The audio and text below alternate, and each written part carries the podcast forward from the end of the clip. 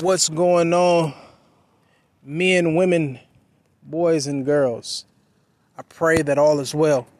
Uh, listen, it's been uh, a minute since I've been on, but I want to get on uh, for a brief moment uh, just to kind of just encourage somebody. I don't know where you are, where you're currently residing, what country or state, city that you're living in, uh, but wherever you are, I just want to remind you that there is salvation in Jesus Christ. Don't let society fool you. Don't let a YouTube clip, uh, a Facebook feed, Twitter post, Instagram read fool you.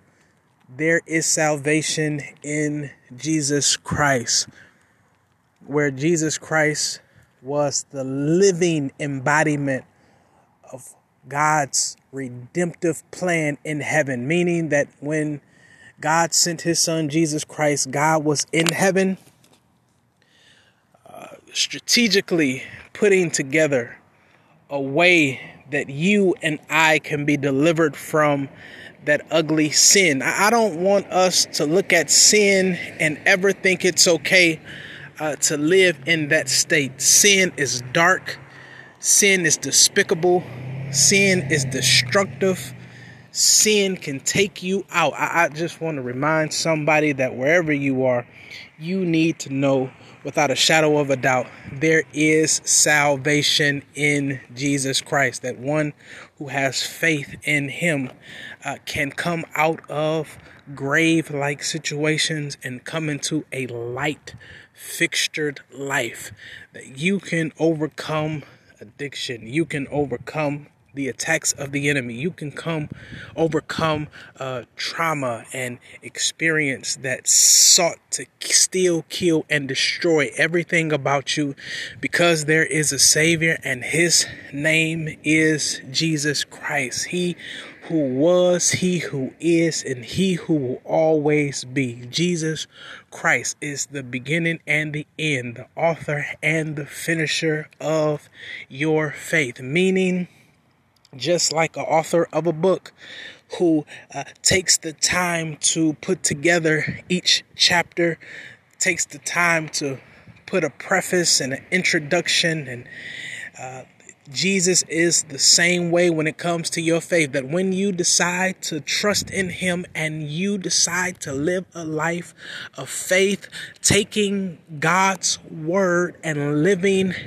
according to every principle and commandment and law and principle, you will begin to see that just like an author of a book, Jesus is the author of your faith, your, your life. That when you come into a realization that it is Jesus who called you, who sanctified you, who pulled you out, you will begin to realize that Jesus was at work even when you were working for yourself, even when you were living a life for yourself, even when you were living in sin, disregarding the word, disregarding those who presented uh, the good news to you, even when you decided to, to do what you wanted to do, to say things that you know was not appropriate, to go places you know you should not have gone. Jesus was working on your behalf. All you have to do, as the Bible declares in Romans 10 and 9, that if you confess the Lord Jesus with your mouth and believe in your heart that God rose Jesus from the grave, you shall be saved. That when you make a confession, that confession is so important because you are speaking into the atmosphere that you believe that Jesus is your owner. That word Lord means that Jesus is your owner. He takes ownership of you, meaning that when you take Jesus as your owner, as your master, you can release and let it go. What can you let go? You can let your past go. What can you let go? You can let the trauma go. Yes, they hurt you. Yes, they lied to you. Yes, they manipulated you. Yes, you might have experienced molestation, but I want to tell somebody, yes, you can let it go in Jesus because Jesus promised to make you whole. He promises to heal your heart. He promises to bind up your wounds. He promises never to leave leave you nor forsake you, but to walk with you. And I want to let you know here on today that if you decide to live and trust in Jesus, you are going to walk in a life that is about restoration. What is restoration? Restoration is to make something or give something its newness back. It is to make something that lost its newness, that lost its sense of essence, but to bring it back so that it can look like it once looked.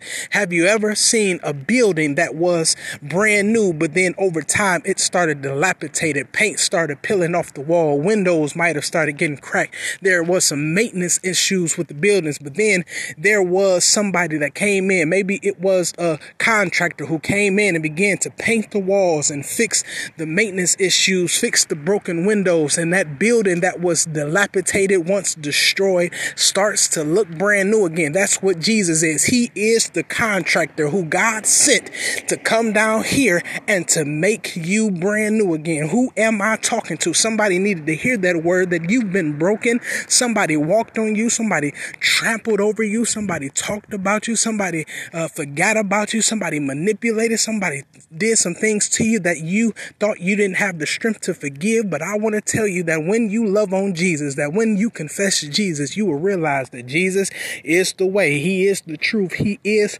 the life. What is he here to do?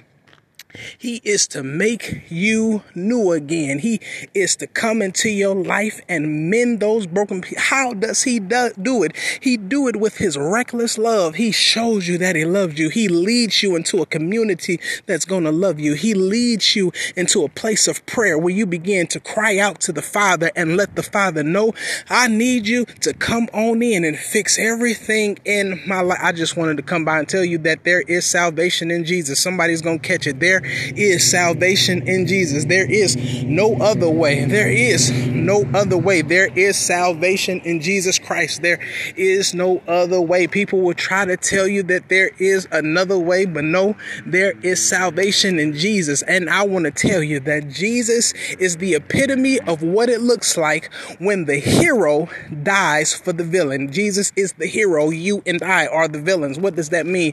We did some stuff that persecuted Jesus. We did some stuff we wasn't supposed to do. We did some things and said some stuff we wasn't supposed to say. And Jesus died for you and I anyway. He died when he knew we were sinning. He died when he knew we did some stuff we wasn't supposed to do. He died for your salvation. I just want to let you know there is salvation in Jesus Christ.